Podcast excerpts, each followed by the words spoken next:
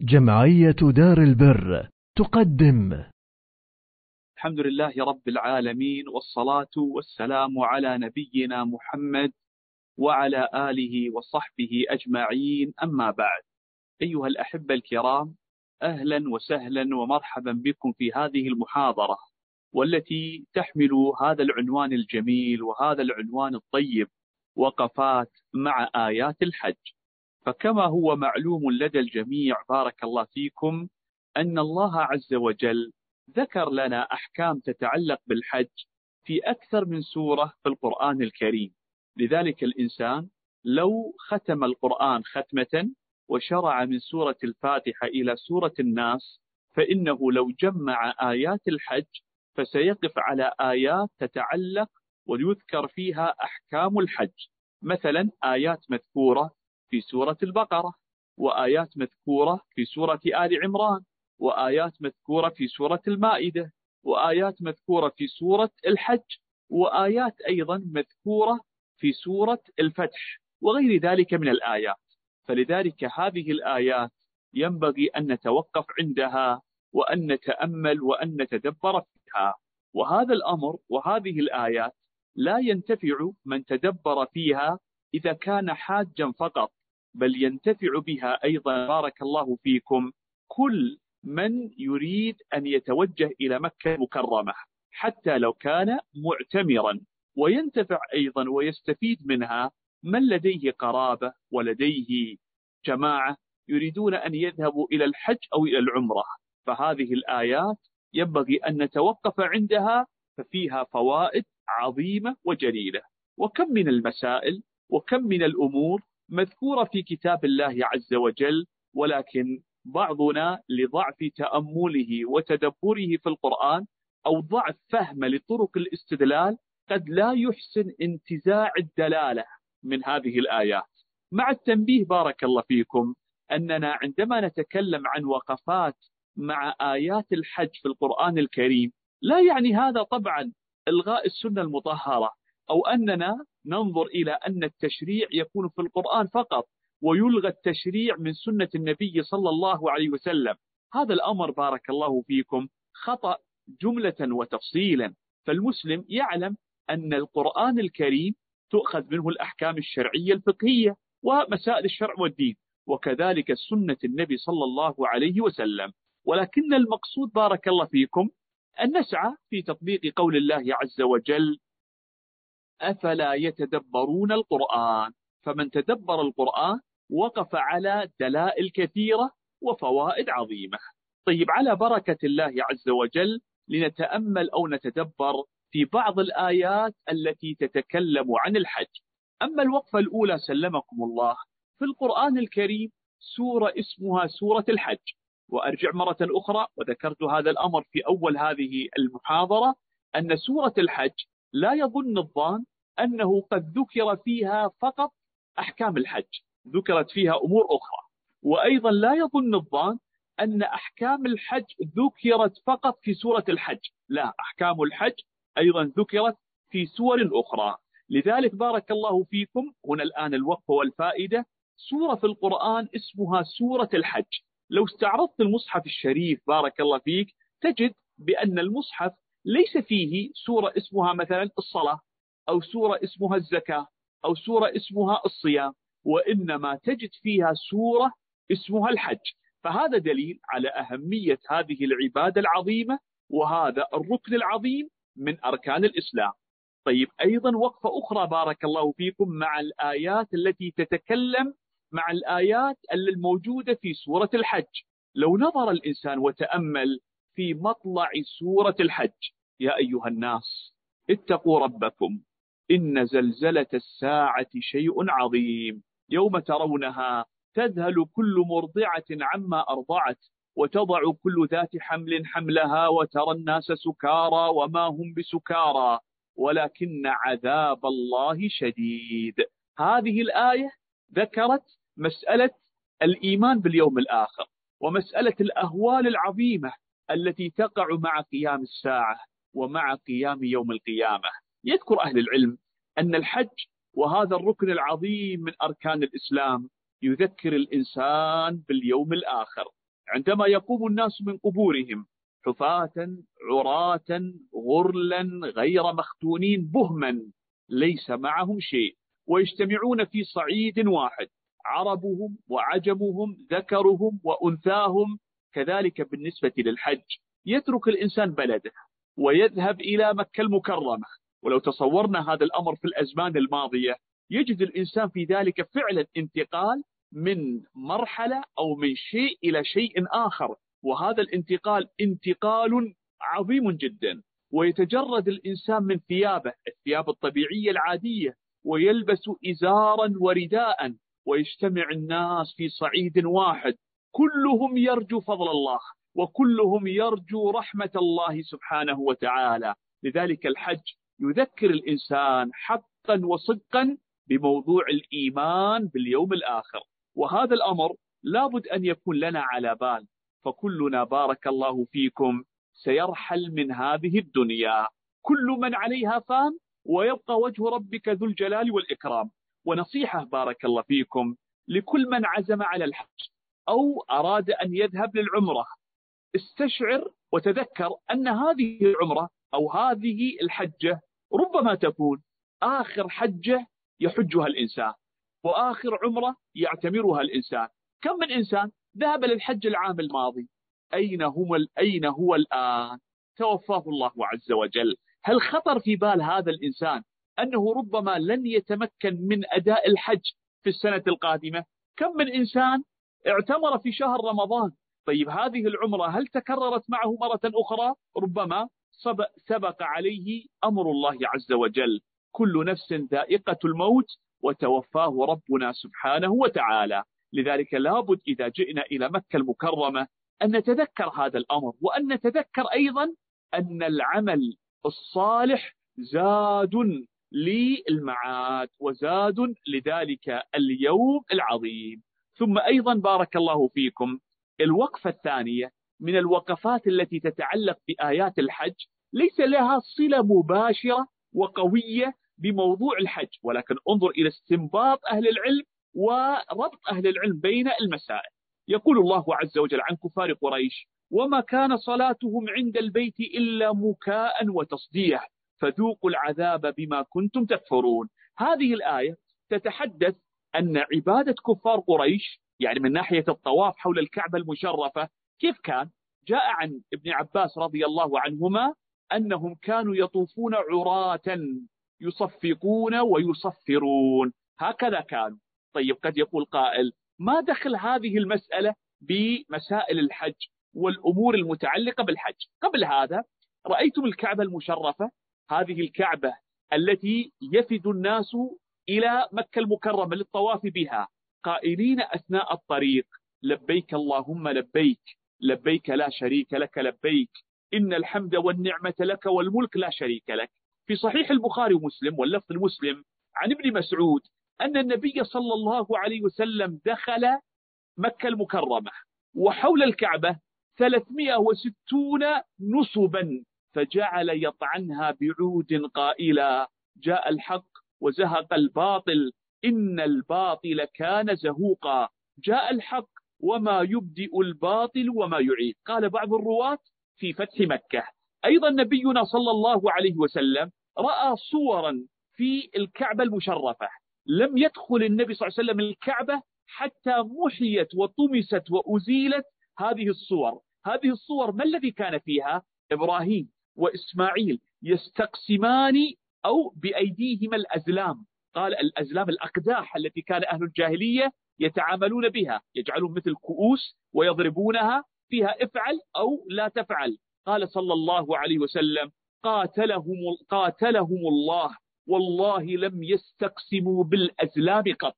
لذلك لما حج نبينا صلى الله عليه وسلم خالف عادة أهل الجاهلية وعادة كفار قريش. طيب قد يقول قائل كفار قريش ما الذي كانوا يفعلونه في الحج؟ كفار قريش كانوا يخالفون الحج على طريقة إبراهيم وإنما ابتدعوا أشياء واخترعوا أشياء من عندهم. منها مثلا أنهم كانوا يقولون لا يطوف الناس حول البيت إلا عراة. كيف يطوفون في ثياب؟ عصوا الله فيها. فكان النساء يطفن بالليل والرجال يطوفون بالنهار. فهكذا كانت قبائل العرب في الجاهلية يفعلون. فالنبي صلى الله عليه وسلم بعث في السنة التاسعة من الهجرة أبو بكر الصديق وبعث معه علي بن أبي طالب ألا يحج بعد العام مشرك وألا يطوف حول البيت عريان. هذا الجانب الأول. الجانب الثاني في تلبيتهم كانوا يقولون لبيك اللهم لبيك لبيك لا شريك لك إلا شريكا واحدا تملكه وما ملك.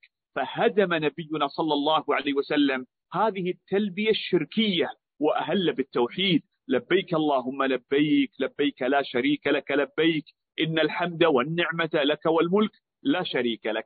كفار قريش وأهل مكة هؤلاء بالذات ما كانوا يقفون في عرفات وإنما يقفون في مزدلفة يسمون أنفسهم الحمص أي أصحاب الشدة ويعني آه، الزيادة في موضوع الطاعة وموضوع العبادة.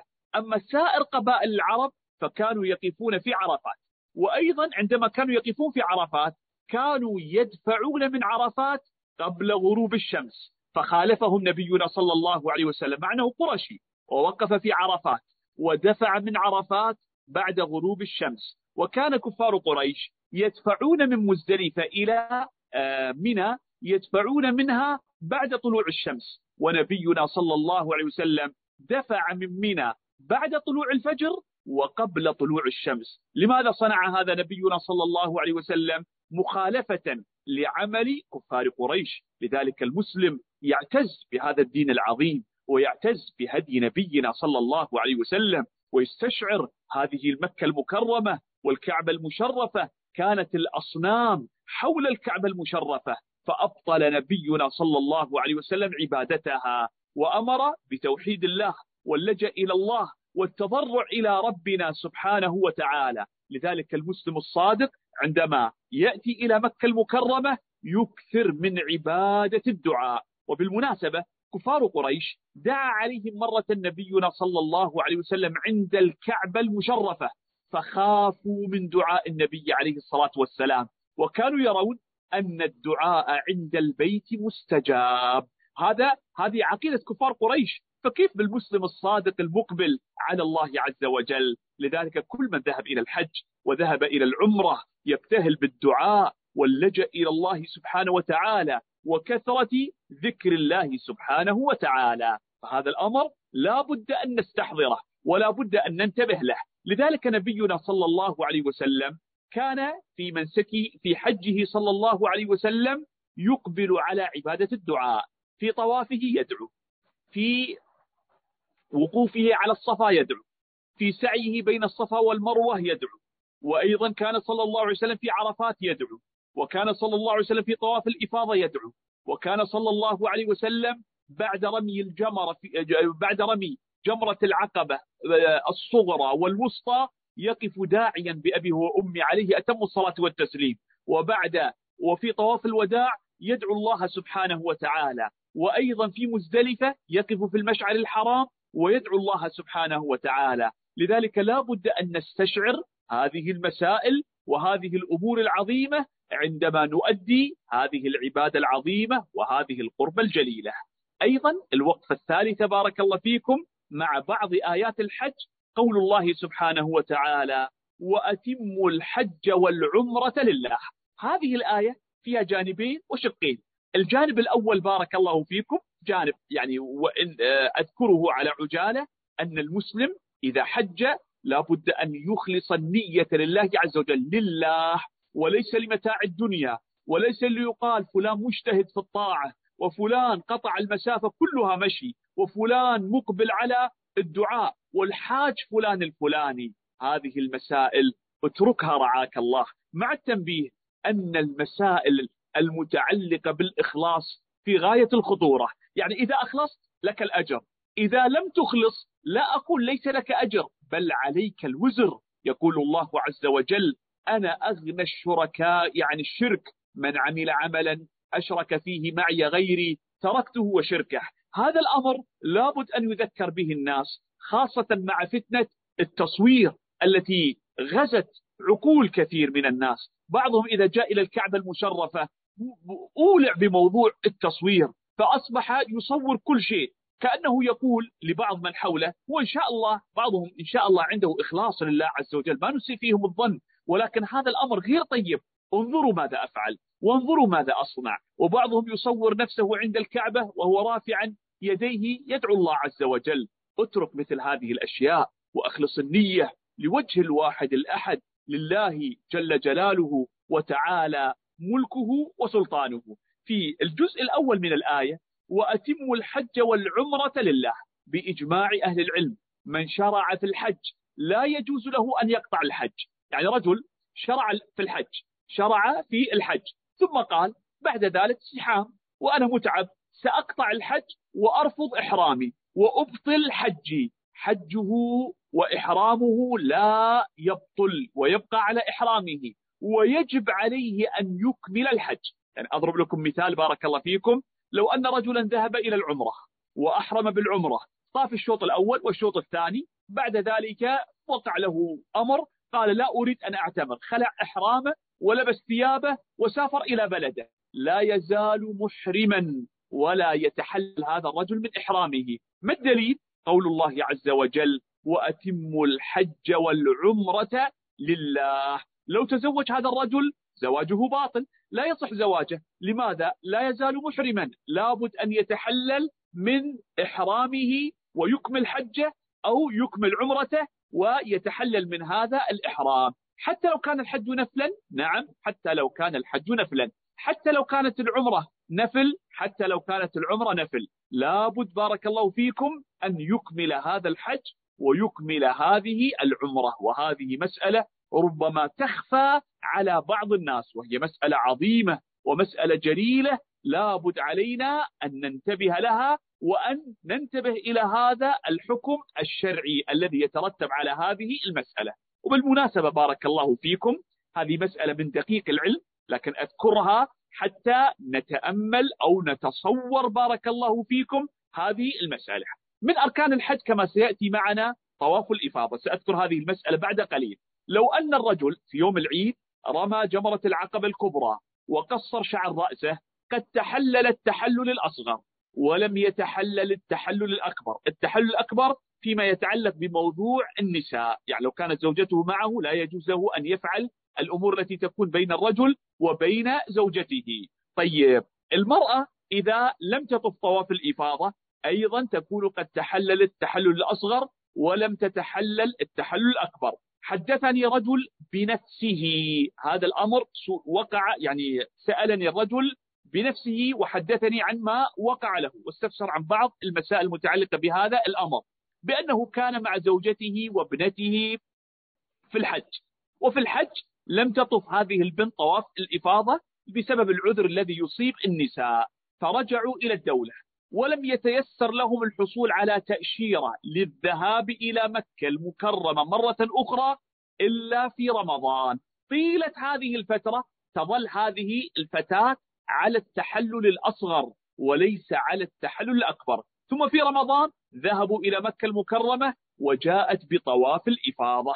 فلذلك هذه مسألة لابد أن ينتبه لها. لذلك من فوائد الحج أن الإنسان إذا وفد إلى مكة المكرمة أن هذه الوفادة تكون سببا بإذن الله عز وجل لأن يتفقه في الدين خاصة لمن كان حريصا خاصة لمن كان حريصا. وبالمناسبة من غريب ما مر علي. لا أقول قيل لي من غريب ما مر علي من المسائل المتعلقة بالحج.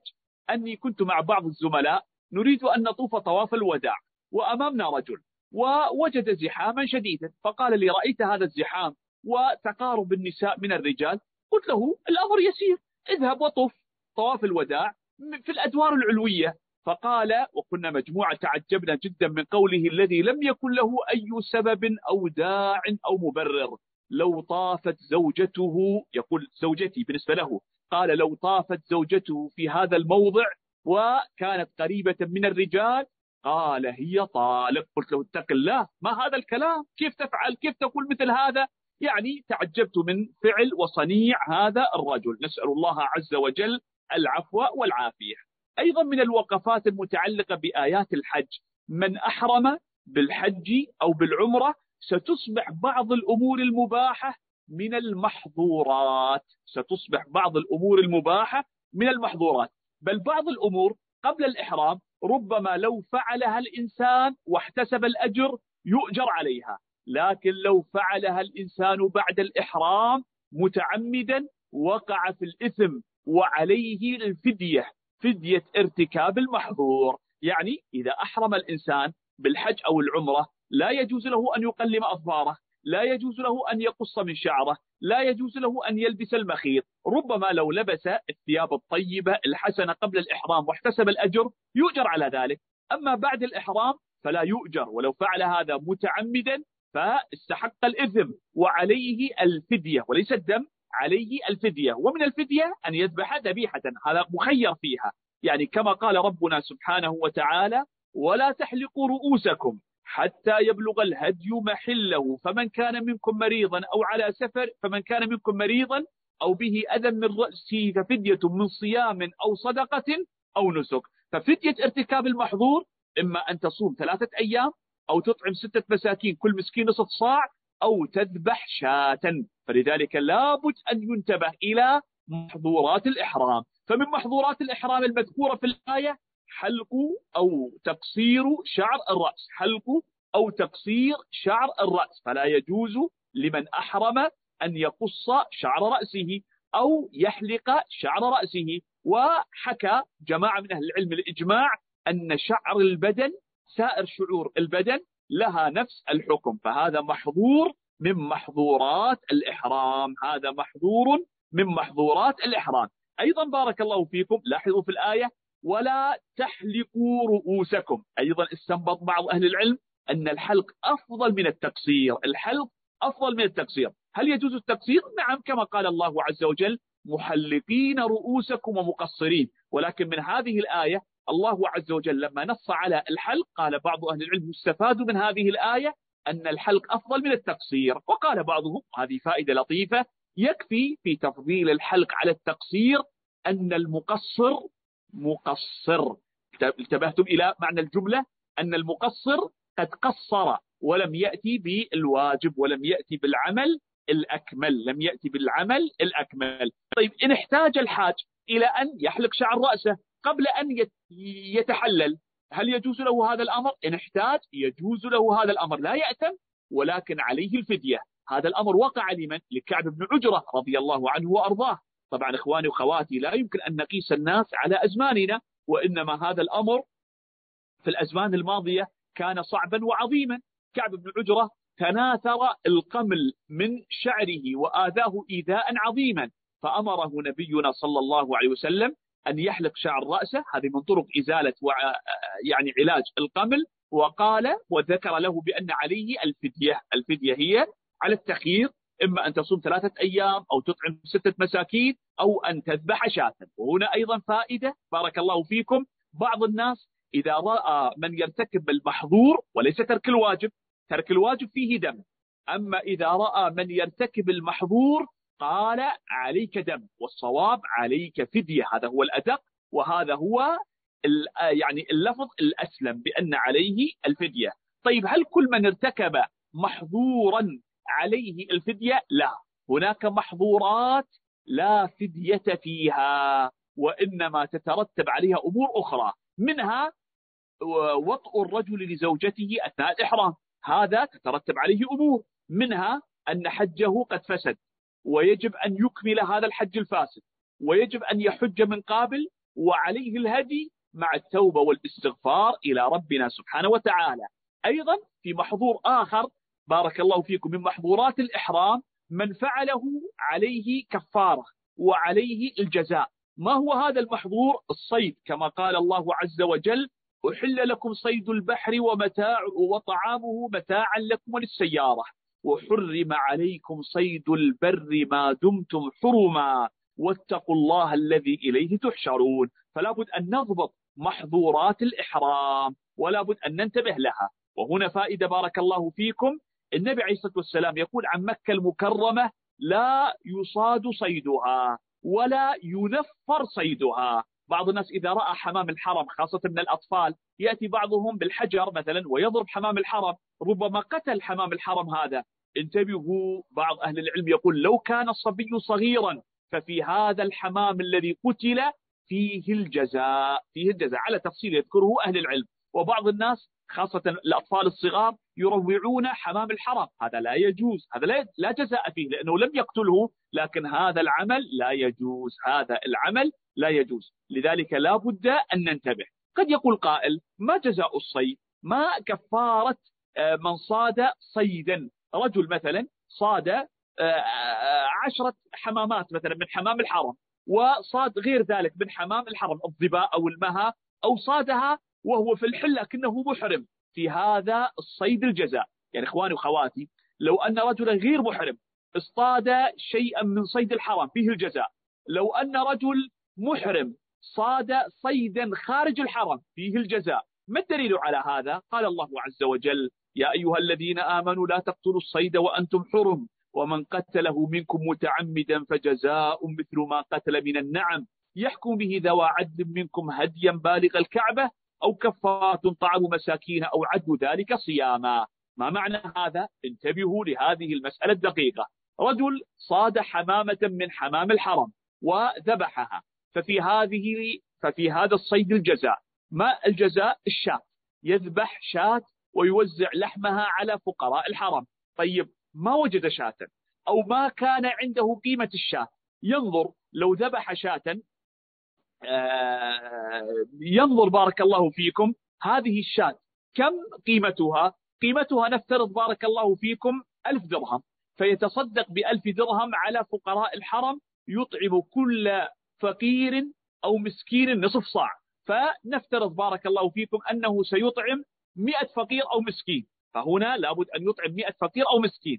ما استطاع أن يطعم يصوم مئة يوم أو عدل ذلك صياما. هذا مذكور في القرآن إخواني وخواتي فلا بد أن ننتبه لهذه المسألة. لا بد أن ننتبه لهذه المسألة. فالصيد صيد الحرم فيه الجزاء. وهذه مسألة عظيمة ومسألة جليلة وكبيرة. أيضا بارك الله فيكم من المسائل المتعلقة أو من الوقفات التي ينبغي أن نتوقف معها عندما نتكلم عن آيات الحج. قول الله عز وجل فمن تمتع بالعمرة إلى الحج فما استيسر من الهدي. بعض الناس قد يتصور أن الحج بارك الله فيكم على نوع واحد والصواب بارك الله فيكم أن الحج على ثلاثة أنواع. من أنواع الحج التمتع. ما هو التمتع بارك الله فيكم؟ أن تأتي بعمرة في آه، يعني أشهر الحج. على بعض تفاصيل أخرى لا أرى بأنه من غير المناسب أن أذكرها يعني في شروط التمتع. أن تأتي بعمرة في أشهر الحج ثم تتحلل منها ثم بعد ذلك تحرم بالحج في وقت الحج. فهنا تكون قد آه، تكون من ممن حج حج التمتع. فعليك أن تذبح دما فما استيسر من الهدي. وهذا الهدي بارك الله فيكم هو دم جب دم شكران. شكر لله سبحانه وتعالى. وهذا الدم يسقط عن المتمتع إذا كان مكيا. هذا الدم يسقط عن المتمتع إذا كان مكيا. طيب عندنا أمر آخر. ما هو؟ أو نوع آخر. عندنا بارك الله فيكم حج آه القران. حج القران ما هو؟ أن تأتي بعمرة ثم لا تتحلل منها. يعني ما في تقصير لا. بعد ما تخلص الطواف والسعي تبقى على إحرامك. ثم ما يحتاج تحرم في اليوم الثامن من التروية. ما في إحرام. وإنما هو إحرام واحد.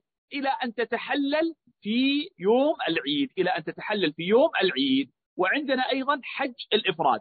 بالنسبة لحج التمتع آه، بالنسبة لحج القران وحج الإفراد لا يوجد بينهما أي فرق إلا في شيء واحد فقط هو الهدي الذي يكون على القارن. أما المفرد والقارن من ناحية العمل لا يوجد بين أعمالهم أي فرق أبدا. يعني المفرد سيطوف ثم يسعى والقارن سيطوف ثم يسعى. المفرد لا يتحلل والقارن لا يتحلل. ثم يذهبان إلى منى ثم إلى عرفات ثم إلى مزدلفة. ثم في يوم العيد يطوفان فقط ما عليهم سعي لأنهما قد سعيا قبل. ثم بعد ذلك يرمون جمرة العقبة ثم يتحللان.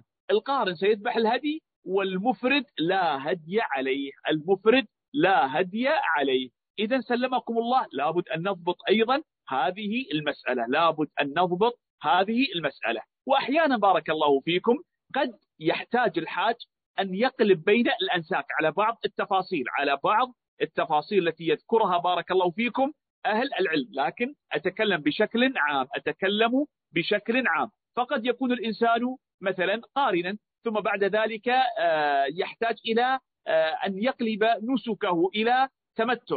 هذه مسألة وقع فيها خلاف بين أهل العلم. وبعض أهل العلم يقول لا حرج في ذلك. بعض أهل العلم يقول لا حرج في ذلك على تفصيل موجود عند أهل العلم على تفصيل موجود عند أهل العلم. المقصود بارك الله فيكم أن الحج على أنواع الحج على أنواع. ثم أيضا من المسائل ومن الوقفات التي تكون مع آيات الحج قول الله سبحانه وتعالى واتخذوا من مقام إبراهيم مصلى. استنبط أهل العلم من هذه الآية موضوع ركعتي الطواف. كيف استنبطوا من هذه الآية ركعتي الطواف؟ جاء في حديث جابر في صحيح مسلم قال حتى إذا أتينا البيت معه استلم الركن فرمل ثلاثا ومشى أربعا ثم نفذ إلى مقام إبراهيم فقرأ واتخذوا من مقام إبراهيم مصلى فجعل المقام بينه وبين البيت قال ثم بعد ذلك يعني آه، النبي صلى الله عليه وسلم في صحيح مسلم قرأ سورة آه، الكافرون في الركعة الأولى بعد الفاتحة وقل هو الله أحد بعد الفاتحة. وهنا فائدة بارك الله فيكم في واتخذوا مقام إبراهيم مصلى فيها إشارة إلى ركعتي الطواف وأنك تصلي عند مقام إبراهيم. والسنة النبوية بينت أن المقام يكون بينك وبين الكعبة المشرفة حتى لو كنت بعيدا. وأيضا بإجماع أهل العلم يصح أن تصلي في أي موضع من المسجد الحرام.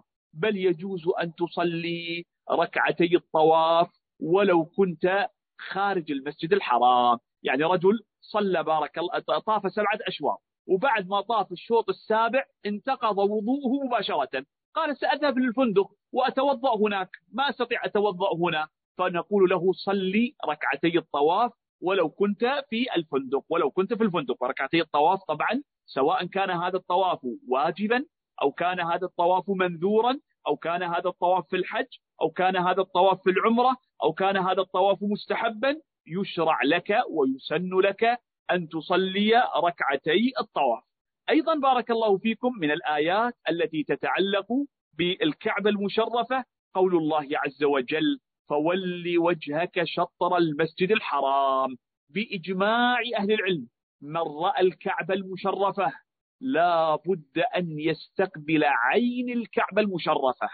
قد يقول قائل طيب المسألة واضحة. نعم واضحة. لكن بعض الناس إذا أراد أن يصلي في المسجد الحرام وهو يرى الكعبة المشرفة لشدة عجلته يصلي إما يمين الكعبة يعني ما يستقبل الكعبة الكعبة تكون جهة اليمين بارك الله فيكم يعني في هذه الجهة أو في هذه الجهة. والشيخ بن عثيمين رحمة الله تعالى عليه ذكر بأنه كان يصلي في المسجد الحرام قال وبعد الصلاة انتبهت أني ما أستقبل ما استقبل عين الكعبة تحرك أو شيء من هذا وقع فأعاد الصلاة أعاد الصلاة. وكم نبهت بعض الناس عند في المسجد الحرام يصلون ولا يستقبلون عين الكعبة. يصلي بعضهم إما يمينا وإما شمالا. هذا موجود خاصة إذا كان المكان نوعا ما بعيدا عن الكعبة المشرفة في المسجد الحرام. فهذه مسألة لا بد أن ينتبه لها. هذه مسألة لا بد أن ينتبه لها. حكى إجماع أهل العلم على استقبال عين الكعبة المشرفة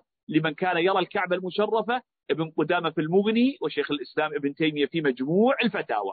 أيضا بارك الله فيكم من أركان الحج الوقوف بعرفة.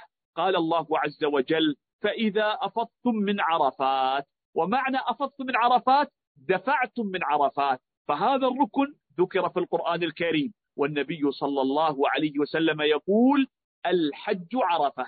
مع التنبيه بارك الله فيكم لابد أن يضبط موضوع وقت الوقوف بعرفة. يعني وقت الوقوف بعرفة من زوال الشمس في يوم عرفة إلى طلوع الفجر يوم العيد. إلى طلوع الفجر يوم العيد. فلو أن رجلا وقف بعرفة في الليل لمدة ثانية واحدة بارك الله فيكم صح وقوفه بعرفة.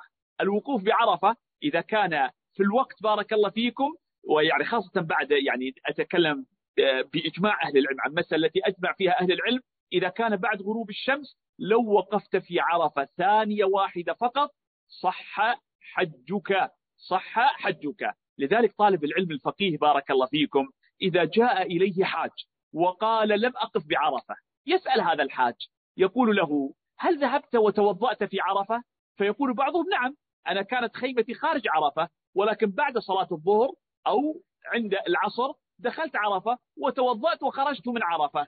تم حجه بإذن الله عز وجل. بعضهم يقول آه ذهبت للعيادة في عرفة ورجعت وخرجت خارج عرفة. وكان في وقت الوقوف الصحيح تم حجه.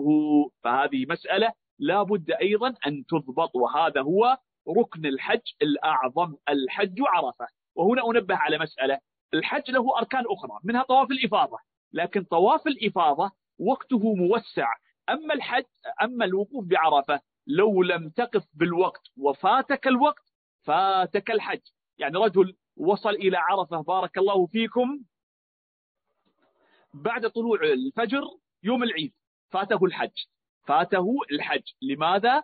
الحج بارك الله فيكم عرفة ووقت الوقوف بعرفة ينتهي مع طلوع الفجر ليس طلوع الشمس طلوع الفجر يوم العيد مع طلوع الفجر يوم العيد. طيب أيضا بارك الله فيكم من الأركان التي ذكرت في القرآن الكريم وتتعلق بالحج طواف الإفاضة في قوله تعالى وليطوفوا بالبيت العتيق وليطوفوا بالبيت العتيق. لذلك أنا أنصح بارك الله فيكم بعدم تأخير طواف الإفاضة عن يوم العيد.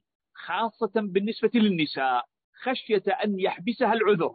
لذلك العذر العذر الشرعي الذي يصيب النساء. تبادر بارك الله فيكم في يوم العيد إن تيسر أو يوم 11 إن ما استطاعت أن تطوف في يوم العيد وتذهب وتطوف طواف الإفاضة. بعضهم يؤخر طواف الإفاضة ويجعله مع الوداع. لا إثم عليه وطوافه صحيح. ولكن الأفضل أن تعجل لأن المرأة خصوصا إذا طافت طواف الإفاضة ثم جاءها العذر يسقط عنها طواف الوداع. أما إذا أخرت طواف الإفاضة مع الوداع وجاءها العذر لا بد أن تطوف طواف الإفاضة. طبعا في بعض أهل العلم يجوز آه، بارك الله فيكم أن تطوف الحائض طواف الإفاضة في ظروف وحالات مخصوصة في ظروف وحالات مخصوصة. ولكن كلامنا بارك الله فيكم بشكل عام وبشكل تأصيلي بشكل عام وبشكل تأصيلي.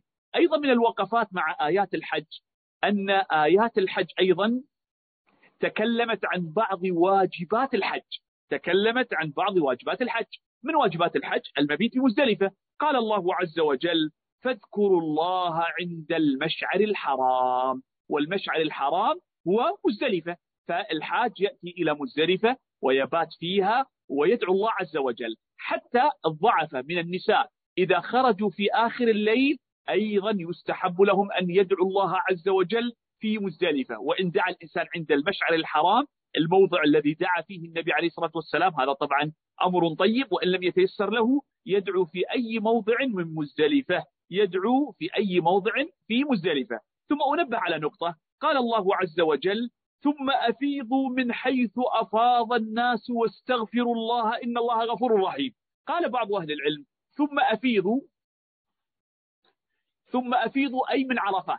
فإن قال قائل ذكر المبيت أو الدعاء في المشعر الحرام قبل هذه الآية. فما معنى ثم؟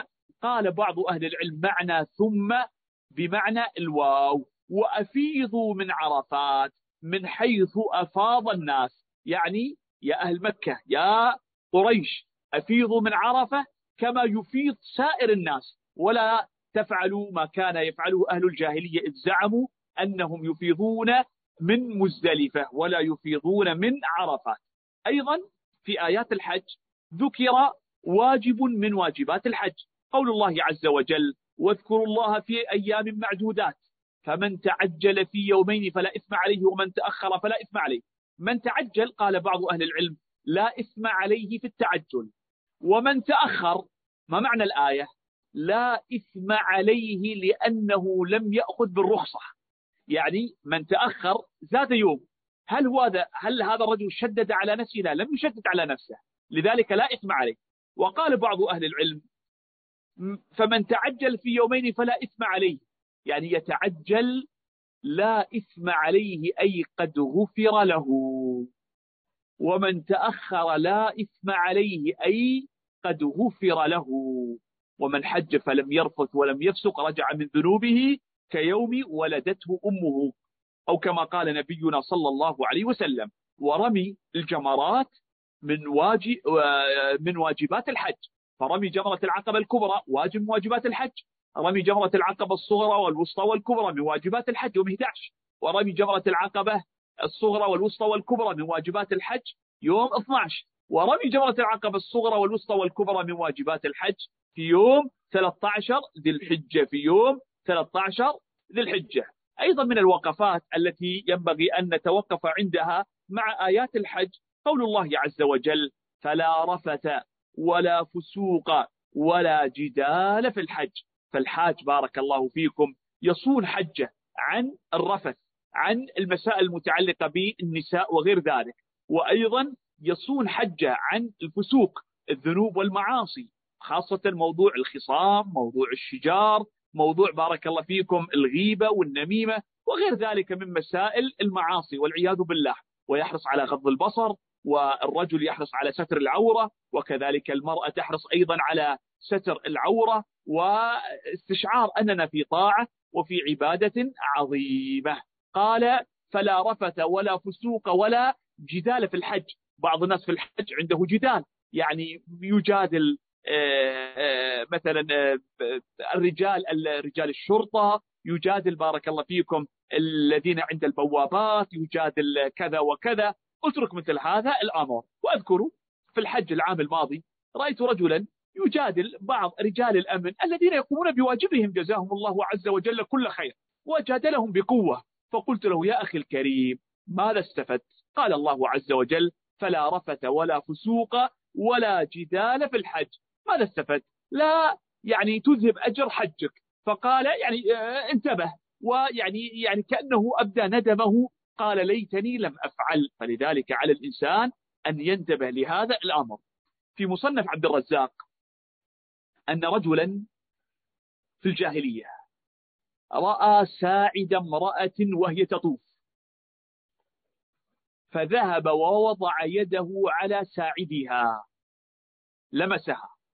وهي لا تحل له فلصقت كفه بساعدها فأبصرهم رجل فقال له اذهب إلى نفس المكان الذي لمست به ساعد هذه المرأة وعاهد رب البيت ألا تعود. ففعل فأطلق. وهذا الأمر لا يستبعد بارك الله فيكم. والإنسان إذا تقحم المعاصي في مكة والعياذ بالله ترك الصلاة في مكة أو الآن انظروا إلى بعض الناس. بعضهم في الحرم ويفتح هاتفه ويشاهد بعض المقاطع التي فيها منكر ومعصية. لابد على الإنسان أن يتقي الله سبحانه وتعالى. أيضا بارك الله فيكم من الوقفات المهمة والتي نتوقف معها مع آيات تتكلم عن مكة المكرمة.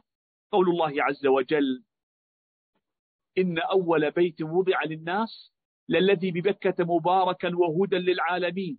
فيه آيات بينات مقام إبراهيم ومن دخله كان آمنا.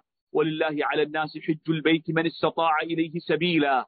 ومن كفر فإن الله غني عن العالمين. نستشعر أننا في بلد حرام ومكة المكرمة جاءت فيها الفضائل الكثيرة. وهنا بارك الله فيكم أنبه على فائدة. ذهب جماعة من أهل العلم وهذا القول فيه تيسير عظيم جدا. أن مكة المكرمة كلها حرم. فلو كان الإنسان بعيدا عن الحرم وصلى في أي مسجد بارك الله فيكم فلا حرج عليه ويؤجر الأجر العظيم ولا يشق الإنسان على نفسه. النبي عليه الصلاة والسلام قدم إلى مكة المكرمة فطاف وسعى. ثم بعد ذلك ذهب إلى موضع سكناه بأبي وأمي عليه أتم الصلاة والتسليم فلم يأتي إلى الحرم. تيسيرا منه على الناس. بعض الناس يقول كيف آتي إلى مكة ولا أتطوع بالطواف؟ فيأتي والزحام شديد. طبعا إن كان يستطيع التطوع بالطواف وما في زحام الأمر طيب. كيف آتي إلى مكة وما أكون قريب من الحرم؟ طيب سكنك بعيد عن الحرم مشيك إلى الحرم وعودتك تأخذ منك أوقات كثيرة والإنسان ينبغي عليه أن يوفر طاقته وقوته ليوم عرفة كي يقبل على الدعاء والإقبال على الله سبحانه وتعالى. واذكر أن رجلا كان معنا في الحج وكنت أراه يجهد نفسه فأقول له بارك الله فيك لا تفعل هذا الأمر أنت رجل يعني كبير في العمر لا تشق على نفسك.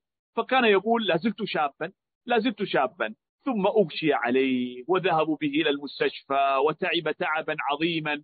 ما فائدة المكابرة؟ فلذلك على الإنسان أن ينتبه. يقبل على الطاعة ويقبل على العبادة. لذلك كان من هدي السلف الصالح أنهم إذا قدموا إلى مكة المكرمة يختمون القرآن. ويقول أهل العلم تتفاوت العبادات بكثرة ذكر الله عز وجل. يعني إذا جئت إلى مكة لا يعني أن نقول لك أنك إذا سمعت أن مكة كلها حرم أن تنشغل بارك الله فيك في مكة المكرمة بالقيل والقال وتنشغل بالمباحات. لا لا لا. انشغل بطاعة الله. احرص أن تختم ختمة للقرآن الكريم وأن تقبل على طاعة الله عز وجل الخطيب البغدادي حج. فكان يختم في كل يوم ختمة ثم بعد هذه الختمة يحدث الناس ويروي الحديث. أسأل الله العظيم رب العرش العظيم أن يتقبل مني ومنكم وأن يعيننا جميعا على ذكره وشكره وحسن عبادته وأن يوفقنا لما يحبه ويرضاه وأن يبلغنا الحج في هذه السنة وأن ييسر لنا أن نأتي مكة المكرمة أعواما عديدة وأزمانا مديدة حاجين ومعتمرين ونحن في أمن وأمان وصحة وسلامة وكمال إيمان. والله تعالى أعلم. صلى الله وسلم على نبينا محمد وآله وصحبه أجمعين. جزاكم الله خيرا شيخنا وأحسن الله إليكم. آه، لدينا بعض الأسئلة إذا تسمحون. بارك الله فيكم. تفضلوا آه الله يحفظكم. آه يقول الأخ السائل شيخنا الفاضل حفظكم الله ورعاكم. من عنده استطاعة للحج ولم يحج هل يأثم على ذلك؟ جزاكم الله خيرا. جيد. هذا سؤال جميل وجيد. لو افترضنا أن رجل قادر على الحج من جميع الجوانب وقال لا أريد أن أحج هذه السنة وأريد أن أحج السنوات القادمة هذه المسألة اختلف فيها أهل العلم. بارك الله فيكم. هذه المسألة مما اختلف فيها أهل العلم. بعض أهل العلم يرى بأن الحج على الفور فيقول من كان قادرا مستطيعا وترك الحج قادر من جميع الجوانب وتعمد تأخير الحج وقع في الإثم. وهذا القول والله قول قوي جدا وكان الصحابة يشددون في موضوع القادر على الحج والذي يترك الحج. كان الصحابة يشددون في ذلك فلذلك من كان قادرا على الحج لا يجوز له أن يؤخر الحج قادر حتى من ناحية التصريح. أما من كان بارك الله فيكم هذا قول عند أهل العلم. أما إذا كان غير قادر أو ما استطاع أن يحصل على تصريح فيعتبر معذورا ولا يأثم بتأخير الحج. والله تعالى أعلم.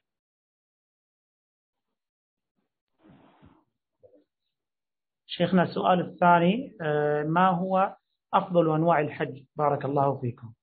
هذه المسألة ما اختلف فيها أهل العلم. فبعض أهل العلم يرى بأن التمتع هو أفضل الأنساك وبعضهم يرى بأن القران هو أفضل الأنساك وبعضهم يرى بأن الإفراد هو أفضل الأنساك.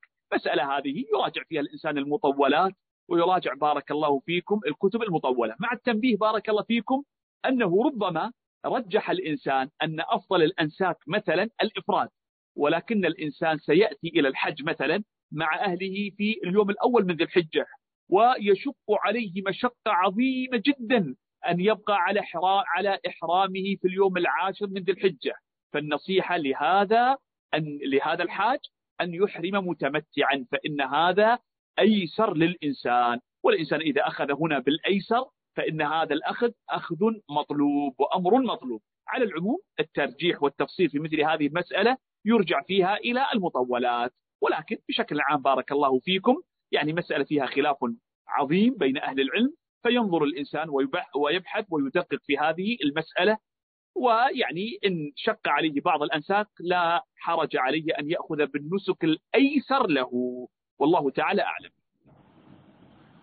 آه شيخنا هنا سؤال يعني يقول السائل الحج باختصار من أول خطوة إلى آخره. بارك الله فيكم. هذا بارك الله فيكم. يحضر معنا إن شاء الله دورة الحج التي ستقام بعد أيام. سيعرف بارك الله فيكم الحج من أوله إلى آخره. ولكن دعني أذكر لك جواب هذا السؤال بشكل مختصر. لو افترضنا أن رجلا سيحج متمتعا فيحرم بالحج عند الميقات ثم بعد ذلك يطوف سبعة أشواط إذا وصل إلى مكة المكرمة محرما ويصلي ركعتين ثم بعد ذلك يسعى بين الصفا والمروة سبعة أشواط ثم بعد ذلك يقصر ثم في اليوم الثامن من أيام ذي الحجة يوم التروية يحرم بالحج فيقول لبيك اللهم حجا ويتوجه إلى منى فيصلي بها الظهر والعصر والمغرب والعشاء والفجر قصرا من غير جمع. ثم بعد طلوع الشمس يتوجه إلى عرفات ويصلي فيها الظهر والعصر قصرا وجمعا جمع تقديم. ثم يدعو الله عز وجل إلى غروب الشمس. وبعد غروب الشمس يتوجه إلى مزدلفة. ويصلي في مزدلفة المغرب والعشاء قصرا وجمعا. يعني المغرب ثلاث ركعات والعشاء ركعتين. ثم ينام إلى الفجر. ثم بعد ذلك وبعد أن يطلع الفجر ويصلي الفجر في مزدلفة يتوجه إلى منى. فيرمي جمرة العقبة الكبرى ويحلق رأسه وينحر. آه، آه، فيرمي جمرة العقبة الكبرى ثم بعد ذلك ينحر هديه ثم بعد ذلك يحلق رأسه ثم بعد ذلك يذهب لطواف الإفاضة ويكون عليه السعي. ثم بعد ذلك بارك الله فيكم يعود إلى منى ثم في اليوم الحادي عشر من ذي الحجة يرمي جمرة العقبة الصغرى ويدعو الله عز وجل ثم جمرة العقبة الوسطى ويدعو الله عز وجل ثم جمرة العقبة الكبرى. وفي اليوم الثاني عشر مثل ذلك وفي اليوم الثالث عشر مثل ذلك وبعد ذلك يطوف طواف الوداع ويرجع إلى بلده. هذا باختصار شديد جدا جدا. بارك الله فيكم. آه، شيخنا الفاضل هنا سائلة تقول السلام عليكم ورحمة الله وبركاته. بارك الله فيكم. امرأة عليها قضاء شهر رمضان بسبب الحمل. هل يجوز لها أن تصوم يوم عرفة بنية عرفة؟ نعم لا حرج. يظهر والله أعلم أنها لو صامت يوم عرفة بنية عرفة لا حرج عليها. ثم بعد ذلك تقضي هذه الأيام فهي دين في ذمتها. والله تعالى أعلم. آه، أيضا هنا سؤال آه، تقول الأخت السائلة نحن ما قدرنا أو لم نستطع نرمي جمرة العقبة الكبرى آه، لأنه حصل ضرب بخصوص الأحوال الجوية. هل يجب علينا شيء؟ طيب هذه مسألة بارك الله فيكم. أظن أنه من الخطأ والله تعالى أعلم أن يجاب عنها بهذه الطريقة. لماذا؟ لابد أن يستفسر من السائل. يستفسر منه. طيب ما الذي فعلوه بعد ذلك؟ هل لم يرموا فعلا جمرة العقبة يوم العيد؟ طيب متى رموها؟ ولا أظن والله تعالى أعلم حسب ظني القاصر. لا أظن أنها تركت رمي جمرة العقبة الكبرى في يوم العيد ولم ترميها مطلقا. طيب يوم 11 ما رمت جمرة العقبة؟ ما قضت هذا الرمي أم ماذا فعلت؟ لذلك لابد أن يستفسر من السائل. مع التنبيه بارك الله فيكم أن بعض الناس يعني ربما يكون موسوسا. يعني أذكر مرة كنت في الحج ونرمي الجمرة في أيام التشريق جاءني رجل وقال لما رميت الجمرة في هذه السنة شكيت. هل رميت جمرة العام الماضي بسبع حصيات أو ست حصيات؟ قلت يعني ما تذكرت إلا بعد سنة هذا من تلاعب الشيطان بك. لذلك من لم يرمي جمرة العقبة الكبرى يوم العيد ماذا يفعل؟ يرميها بارك الله فيكم في يوم 11 لا حرج عليه في ذلك. تقضى تقضى آه، يقضى هذا الرمي أو يرميه في الليل. على العموم لابد أن يستفسر من هذه السائلة جيدا ما الذي وقع وما الذي جرى؟ والله تعالى أعلم. شيخنا أحسن الله إليكم يقول آه، هنا سائل من تشاد ما فضلكم آه، من فضلكم ما هو القول الراجح في من حج بمال حرام؟ القول الراجح في هذه المسألة والله تعالى أعلم أن حجه صحيح مع الإثم أن حجه صحيح مع الإثم لانفكاك الجهة والله تعالى أعلم.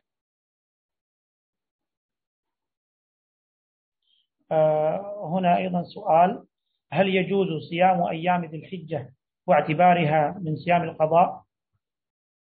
آه جيد. هذا سؤال جيد بارك الله فيكم.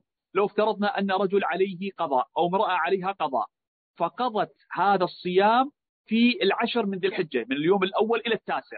لا حرج في ذلك لكن تنويها قضاء.